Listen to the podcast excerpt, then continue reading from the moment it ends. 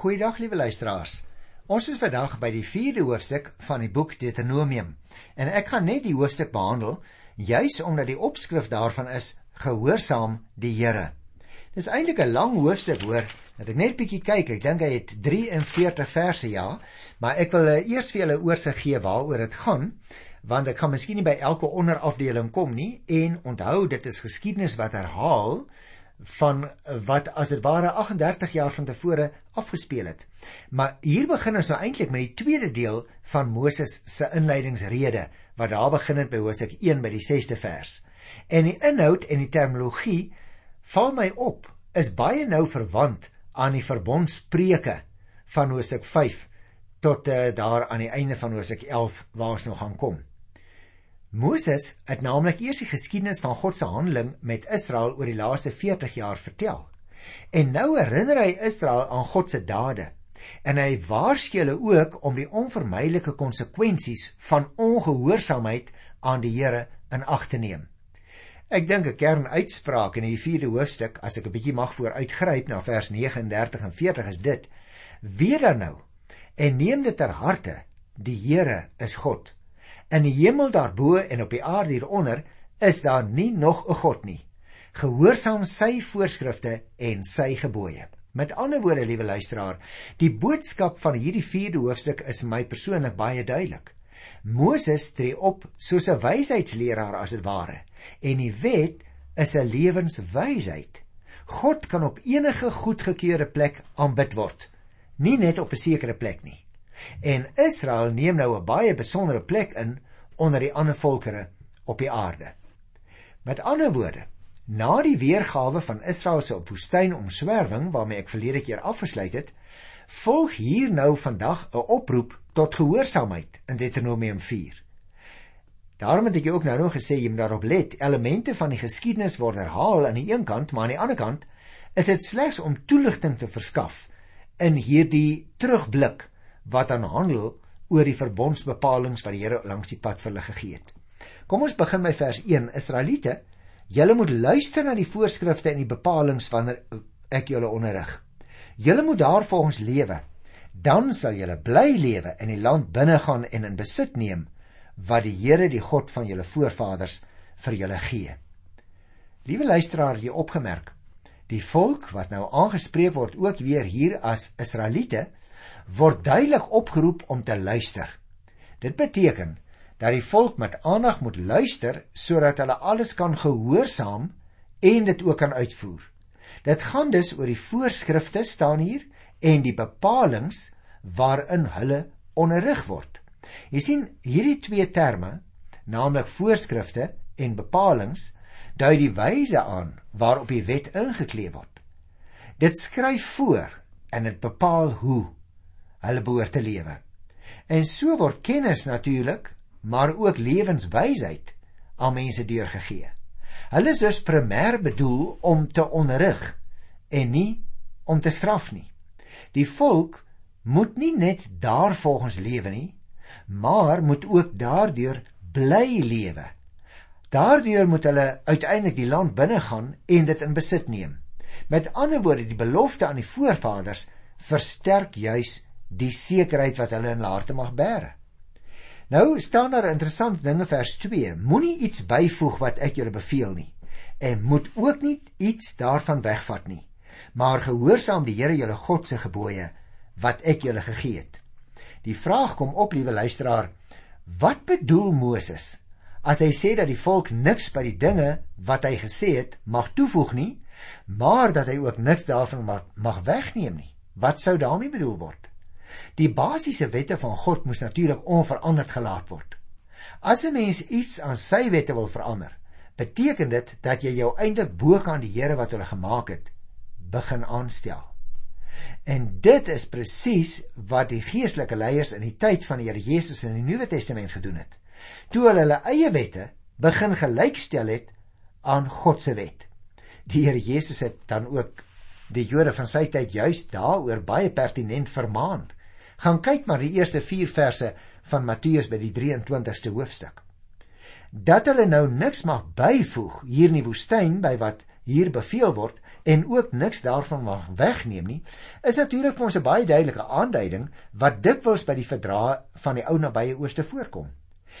Luisteraars, ek dink ons moet net hierop bedag wees dat by hierdie uitspraak dui dit nie noodwendig op die Bybel of selfs die boek Deuteronomium in die eerste plek aan nie, maar die dinge wat Moses hier beveel, soos dit in die 10 gebooie en die verbondsbepalings neergeslag gevind het. So nie die selfgemaakte wette van die Fariseërs van die Nuwe Testament nie, maar dit wat die Here sê, dit bly die norm. Luister vers 3. Julle oë het gesien wat die Here by Baal Peor gedoen het. Elkeen wat vir Baal Peor gedien het, is deur die Here julle God tussen julle uit verdelg. Hy noem nou vir die Israeliete by monde van Moses 'n baie pertinente voorbeeld.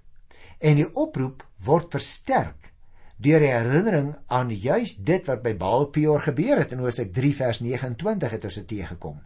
Israelitiese mans het naamlik met Moabitiese vrouens omgang gehad en dit het uiteindelik uitgeloop op afgodsdiens aan hulle god Baal Peor.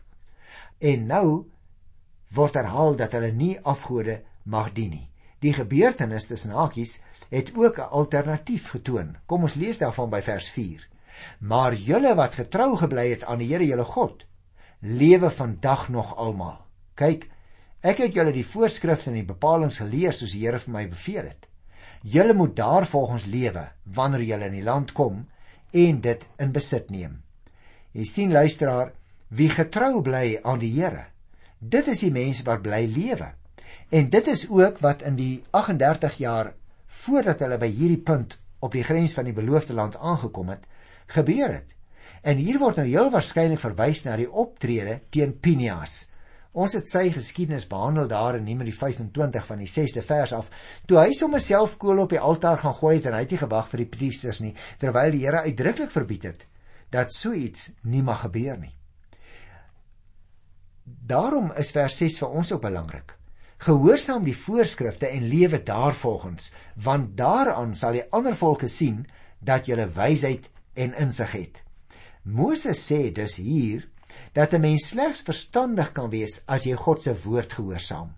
Dis seker nie die maklikste manier om die reputasie wat 'n mens opgebou het as 'n verstandige mens altyd gestand te doen nie. Maar dit is die enigste manier wat jy op 'n stewige fondament jou lewe kan bou. Ek wil jou 'n vraag vra. Het jy dalk ook al probeer om mense te beïndruk met die dinge wat jy weet of dit wat jy voorgee om te weet. jy moet versigtig wees, liewe luisteraar, gehoorsaam aan die woord van God kan jou reputasie in 'n baie groot mate bevoordeel word, want dit is nie net belangrik wat jy weet nie, maar juis belangrik, miskien belangriker, wat jy doen. Met ander woorde, dat jy die gebooie van die Here sal gehoorsaam en niks daarvan in jou lewe sal uitlaat of sommer net by die deur uitgooi nie. Luister byvoorbeeld na vers 13 hier in Deuteronomium by die 4de hoofstuk. Die Here het julle die bepalinge van sy verbond meegedeel en julle beveel om hulle te gehoorsaam. Die 10 gebooie wat hy op sy twee plat klippe geskryf het. Nou ja, natuurlik, jy en ek lees die 10 gebooie vandag nog, nie omdat ons daarmee God se guns wil verdien nie, maar juis omdat ons vir hom uit dankbaarheid wil toon met ons lewe wanneer ons hom gehoorsaam is dat ons graag vir hom wil dien omdat ons hom liefhet. En jy sal onthou as ons hierdie derde versie lees, die bepalinge wat die Here vir hulle gegee het, daar het die Here natuurlik die bepalinge van sy verbond meegedeel. En hy het sy volk destyds beveel om dit te gehoorsaam. Hy het dit met ander woorde self opgeteken in die 10 gebooie wat op die twee plat klippe geskryf is. En daarom tussen hakies, dit is een van die redes hoekom ons as Nuwe Testamentiese gelowiges ook nog die 10 gebooie baie baie hoog aanslaan want dit is soos die 10 klippies wat Hansie en Grietjie deur die donker bos gestrooi het om weer by hulle bestemming uit te kom as hulle dalk in die bos sou verdwaal so die Here ook vir ons die 10 gebooie gegee sodat ons kan weet wat sy wil vir ons lewens is as jy verder sou kyk dan sê hy in vers 19 pragtig Wanneer jy na die hemelruim opkyk, die son, die maan en die sterre, enige hemelliggaam, moet julle julle hoop nie op hulle vestig nie. Moet julle nie laat verlei om hulle te vereer of te dien nie. Die Here julle God het hulle toegeken aan al die volke op die aarde. En dis nogal baie belangrik nie waar nie. Want die Here gee beslis nie hier te kenne luisteraars dat die ander volke wat afgode aanbid het verskoon sou word nie. Inteendeel, al wat hy sê is dat hy Israel gou en verskriklik sou straf terwyl die straf vir die ander volke uitgestel sou word. Hy sou dit so doen, sê hy, omdat Israel se wette geken het. En daarom jy en ek ook onthou dat afgodsdiens nie net beteken dat mense lewelose beelde begin aanbid soos koper of yster of klei of hout nie. Nee, dit het ook beteken dat hulle die gesindhede of die lewenswyse wat deur so 'n God gesimboliseer is, begin aanhang het. En dit mag jy en ek as Christus gelowiges natuurlik nooit doen nie. Vers 20 is ook baie duidelik. Daar staan: "Deur julle toedoen het die Here vir my kwaad geword en dit met 'n eed bevestig dat ek nie deur die Jordaan sou gaan en in die goeie land sou kom wat die Here hulle God aan julle as besitting gegee het nie." Jy sien, liewe luisteraar, in teenstelling met die voorafgaande, beklemtoon Moses nou hoe swaar dit is om hier aan die duskant van die Jordaan te sterf en watter groot voorreg dit is om die goeie land in besit te gaan neem. En daaraan sou Moses natuurlik ongelukkig geen deel gehad het nie, juis omdat hy ontrou en ongehoorsaam aan die Here geword het. Nou kom ons hier by die 25ste vers en ek wil vir jou eers 'n bietjie 'n oorsig daarvan gee. Uh want ons kan nie al die verse lees ja kruis nooit klaar nie. Vers 25 sê: Wanneer julle kinders en kleinkinders het en julle oud geword het in die land, moet julle nie julle eie ondergang soek deur 'n afgodspeel te maak nie, want dan doen julle wat verkeerd tussen die oë van die Here julle God en julle tart hom uit. Jy sien luisteraar, die verbod om enige afgodsbeeld te maak wat ons ook in vers 16 en in vers 23 teëgekom het, word nou in 'n toekomsperspektief geplaas. Met ander woorde, hulle en hulle kinders en kleinkinders wat ingeskerp moet word om Horeb te onthou. Hulle loop juis gevaar om die belangrikste opdrag te vergeet en hulle eie ondergang te soek. En daarom wie dit doen, hoop op 'n weg wat verkeerd is, staan hier. Hulle tart die Here. Hulle verwerp hom moedswillig. En daarom vertel Moses nou vir hulle, hulle moet baie versigtig wees dat hulle nie ook in afgodsdiens verval so sommige voor hulle al nie. Hulle moet getrou bly aan die Here want hy is natuurlik alleen die enigste God. In vers 26 staan daar baie duidelik geskrywe: Ek roep vandag die hemel en die aarde tot getuie teen julle dat julle dan nou gou en baie beslis sal verdwyn uit die land wat julle in besit gaan neem sodra julle deur die Jordaanrivier trek. Julle sal nie lank in die land bly woon nie. Julle sal beslis uitgeroei word. Nou dis 'n baie belangrike oordeel wat Moses hier in naam van die Here oor hulle uitspreek. Dit is byna, liewe luisteraars, soos by 'n hofsaak waar getuies nou bygeroep word. Moses sê: "Hier is die hemel en die aarde." Die bedoeling is dus wanneer Israel ontrou is, sal hulle verdwyn uit die land en sal hulle uitgeroei word. Vers 7:28 sê die Here sal julle verstrooi onder die volke. Nou wil ek net sê tussen hakies, dit het natuurlik so 5600 jaar later gebeur toe Jerusalem uiteindelik sou val in die jaar 586 voor Christus en die hierdie mense se nageslag weggevoer sou word in ballingskap na Babel toe. So die Here se woorde en sy beloftes, liewe luisteraars, neem soms 'n lang tyd voordat ons kan sien, "Jo, maar die Here bly regtig getrou." maar ons moenie vergeet nie, hy word nooit aan sy beloftes, ook al is dit oordeelsuitsprake, ontrou as hy dit beloof het nie. Vers 29 sê: "As julle die Here julle God daar aanroep, sal hy julle gebed verhoor as julle tot hom nader." in onverdeelde trou. Jy sien die belofte van 'n oorblysel, 'n klein klompie waarvan ons gelees het in vers 27, word nou versterk deur die beskrywing dat die Here hulle gebed sal verhoor. En anders as die dooie afgodsbeelde, kan die Here mos hoor. kan hy ook reageer wanneer sy volk hom nader in onverdeelde trou. Vers 30 sê en wanneer julle in nood verkeer, deurdat hierdie dinge in die toekoms oor julle kom, moet julle terugkom na die Here julle God toe. Julle moet sy woord gehoorsaam en die Here julle God is genadige God. Hy sal julle nie in die steek laat of om die lewe bring nie. Hy sal nie die verbond vergeet wat hy met 'n eed aan julle voorvaders bevestig het nie. Jy sien, liewe luisteraar, en dit is my so wonderlik van die Here. In aansluiting hierby kom nou 'n dringende oproep om in hulle nood terug te kom na die Here hulle God toe en sy woord te gehoorsaam. En daarom het ons gelees in die 31ste vers, hy is die genadige God wat die verbond wat hy met 'n eed aan die voorvaders bevestig het, nie te vergeet nie. Hy sal met ander woorde hulle nie in die steek laat nie. En hierdie gesagswoorde luisteraars sal geldig bly en dit sal uiteindelik gelees en gehoorsaam word deur die oorblysel van die volk wat in die toekoms in hierdie noodsituasie sou beland. Vers 32 sê dan duidelik vir ons: Gaan stel ondersoek in na die verre verlede, na die dae voor julle tyd, van die tyd af toe God die mens op die aarde geskep het, van die een uiteinde van die hemel af tot by die ander uiteinde, en kyk of iets so magtigs al gebeur het en of so iets al ooit van tevore gehoor is. Interessante opmerking. Die volk wat in die toekoms in hierdie situasie gaan verkeer, kan hulle maar terugwend na die Here toe. Want jy sien die sekerheid daarvan word nou hier aangetoon. Met retoriese vrae word uitgenooi om ondersoek in te stel binne die ruimte van die geskiedenis sedert die skepping, sowel as binne die geografiese ruimtes in die skepping.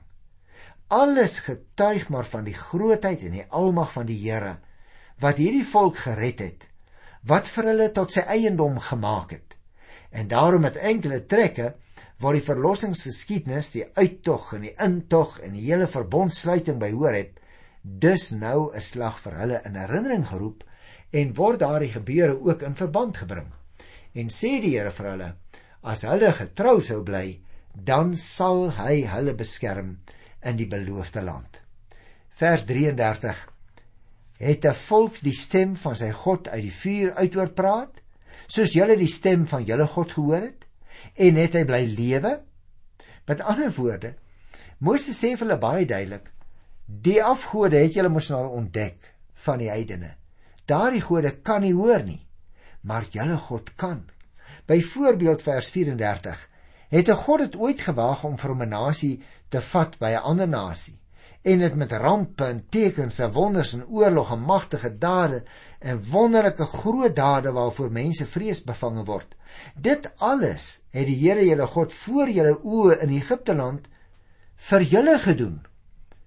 Moses is dus besig om te sê, liewe luisteraar, in Egipte het die volk met hulle oë gesien hoe God handel deur rampe en tekens en wonders en oorlog en al daai goed wat hy noem.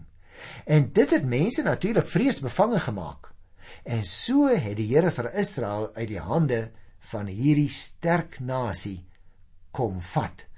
staan daar. Daarom hoef hulle ook nou nie bang te wees vir die toekoms nie.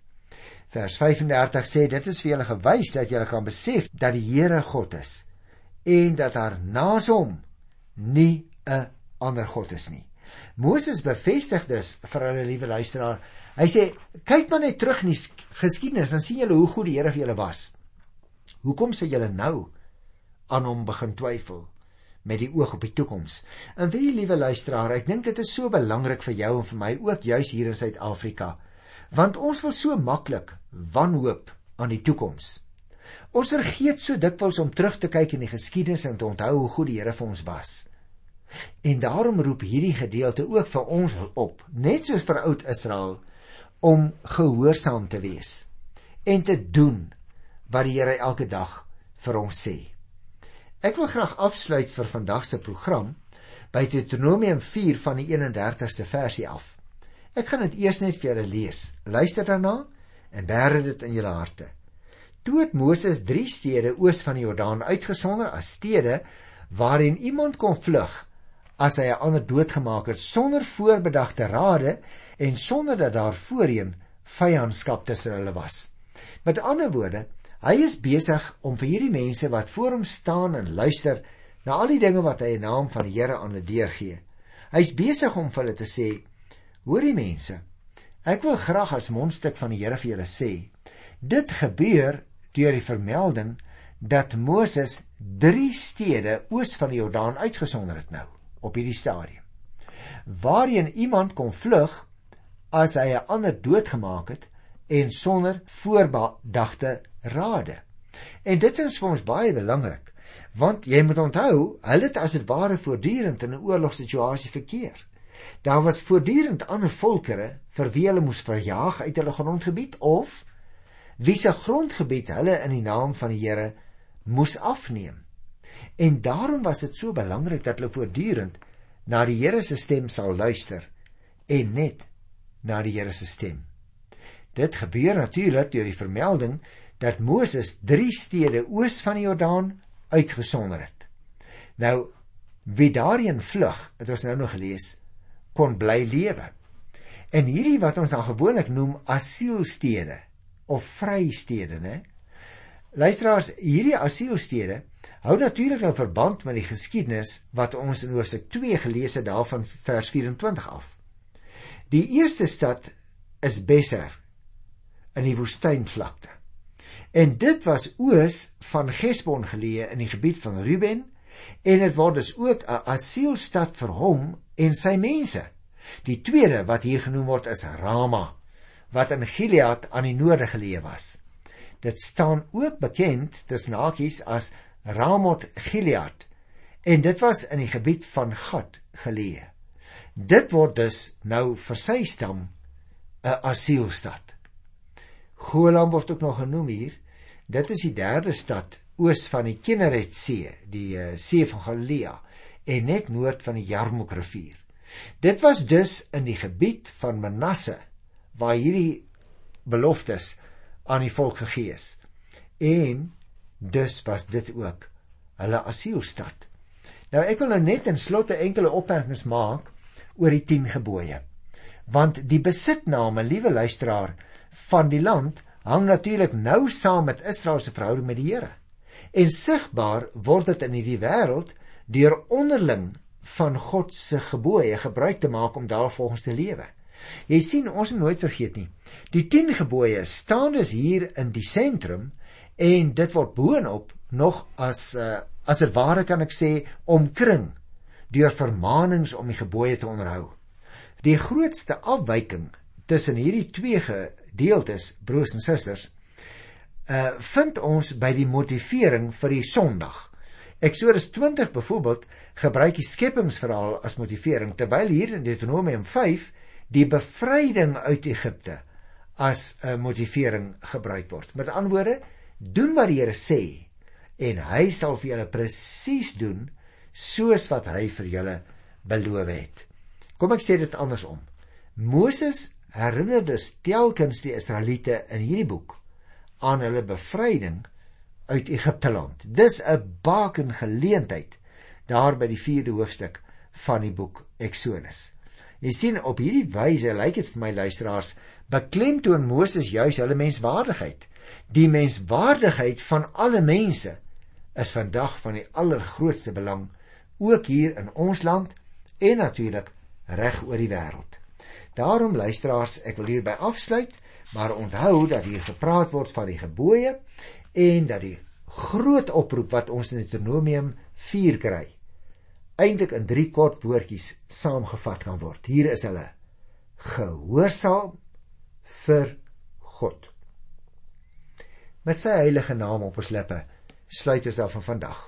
En ek groet jou tot volgende keer in die naam van Jesus Christus wat ook die 10 gebooie kom volmaak het. Tot volgende keer dan. Totsiens